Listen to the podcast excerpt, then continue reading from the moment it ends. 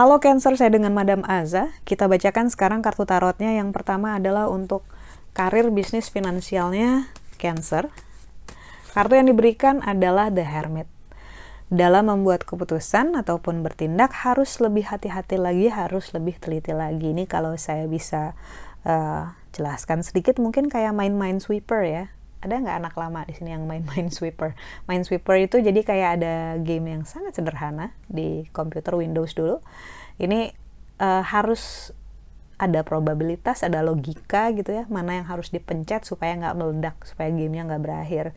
So kartu The Hermit ini ibaratnya kalau dalam melakukan sesuatu, kalau ada keputusan yang harus dibuat, ini harus hati-hati, jangan sampai salah nginjek gitu ya. Ibaratnya ini lagi masa-masa harus jinjit, berhati-hati, kalau ada hitam di atas putih lebih bagus kalau misalnya ada kontrak atau perjanjian kerjasama karena mostly gitu biasanya ketika kartu ini keluar kita disuruh hati-hati karena nggak semua ya, yang kita lihat itu adalah kenyataan. Mungkin juga ada masih ada yang tersembunyi yang harus kita tahu nanti gitu ya tapi belum saatnya. Karena itu dalam bertindak lebih hati-hati lebih teliti jangan gegabah jangan buru-buru. Lalu untuk percintaannya Cancer Kartu yang diberikan adalah demun. Kartu demun ini menunjukkan orang yang sedang bingung antara dua pilihan piramida kanan ataupun piramida kiri. Dalam hal percintaan, apakah sedang bingung mau mas yang A atau mas yang B? Mbak yang A atau Mbak yang B? Jangan istri satu dan ini calon istri kedua ya, kasihan istri kesatunya. Kartu demun ini menunjukkan keraguan-raguan dalam membuat keputusan yang berhubungan dengan relasi ataupun percintaan atau juga dengan keluarga.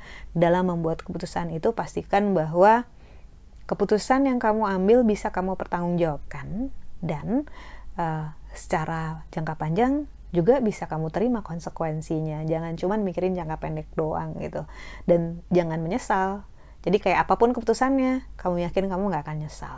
Kartu demun juga menunjukkan bulan yang seakan-akan menunjukkan jalan tapi seberapapun jauh kita berjalan ngikutin bulan nggak akan bisa nyampe ke, ke bulannya itu sendiri. Dalam arti antara harapan kamu dengan kenyataan kamu mungkin berbeda tapi ini nggak selalu berarti itu adalah hal yang buruk. Hanya dibilang ada perbedaan aja antara realita dengan ekspektasi.